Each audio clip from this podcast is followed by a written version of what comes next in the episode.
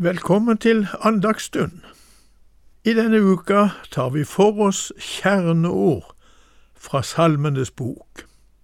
Men først ber vi sammen. Kjære Jesus, vi kommer til deg denne stund og ber om at du kunne velsigne det ord vi skal lese sammen, og de tanker som vi skal dele med hverandre. Ja, kjære Jesus, hør du vår bønn i ditt navn. Amen. I dag skal vi lese ifra Salme 34, og vi skal lese versene fire til og med ni. Og vi leser de versene i Jesu navn. Pris Herrens storhet med meg, og la oss sammen opphøye Hans navn. Jeg søkte Herren, og han svarte meg. Han fridde meg ut fra alt det som forferdet meg. De så opp til ham og strålte av glede, og deres ansikt rødmet aldri av skam. Den elendige ropte, og Herren hørte. Han frelste ham ut av alle hans trengsler. Herrens engel slår leir rundt omkring dem ja, alle dem som frykter ham, og han utfrir dem. Smak og se at Herren er god. Salig er den mann som tar sin tilflukt til ham. Amen. Det er David som skriver denne salme. Han sier her, Pris Herrens storhet med meg og la oss sammen oppbøye Hans navn. Vi mennesker gir nok eh, noen ganger gode råd til hverandre.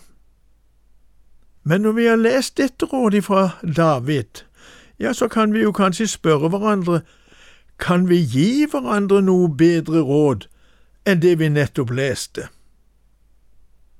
Vi leser det en gang til.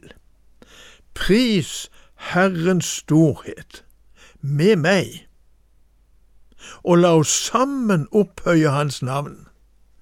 Jeg tenker vi kunne være flittige til å gi hverandre slike råd.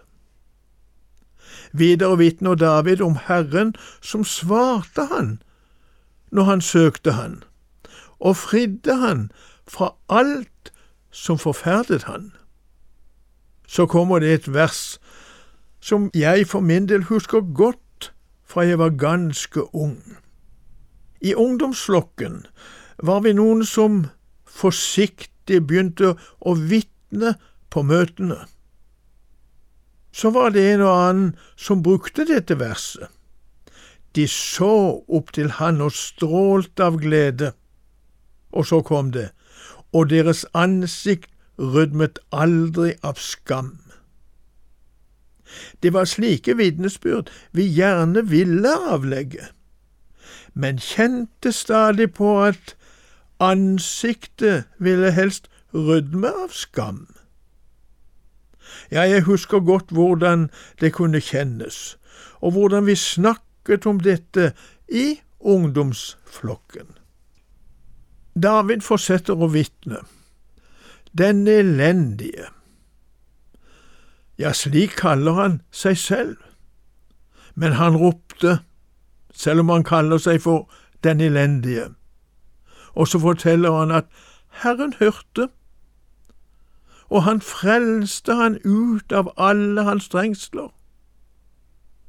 Så kan altså vi si til hverandre at slik er Herren, ja, slik er Han også i dag.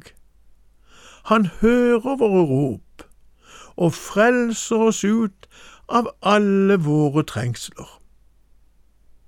De to neste versene bekrefter David at dette han har sagt, ja, det er sant.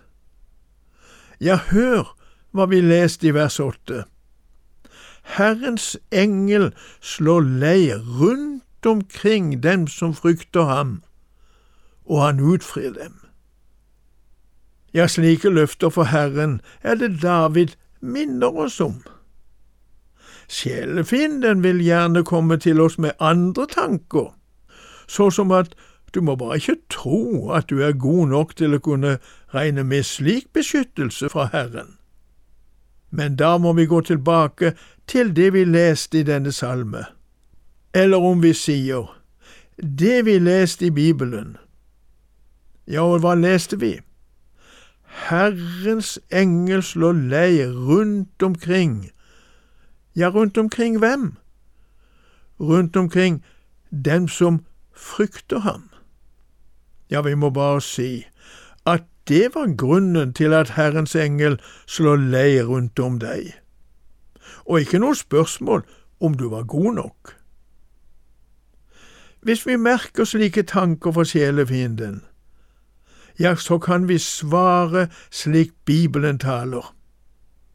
Vi leste et vers til, og der står det enda klarere og enkelt hva Herren legger til grunn for å slå leir rundt omkring oss. Vi leser også det verset igjen. Smak og se at Herren er god. Salig er den mann som tar sin tilflukt til ham. Nå kan vi jo spørre hva grunnen til at den mann David her skriver om, var salig? Jo, at han hadde tatt sin tilflukt til ham, eller om vi sier det med andre ord, salig, ja frelst, er den som kommer til Jesus. Og Jesus sa det selv noe om dette mens han var på denne jord. Vi leser om det ifra Johannesevangeliet. Det er sjette kapittel, og i vers 37, der står det slik:" Og den som kommer til meg, vil jeg slett ikke støte ut. Ja, slik taler Guds ord. Så da avslutter vi med å si igjen, smak og se at Herren er god. Amen. Alf Christian Tellefsen delte Guds ord med oss i dag i serien Over en åpen bibel. Den produseres av Norea Mediemisjon, og du finner vårt rikholdige arkiv av andakter på norea.no.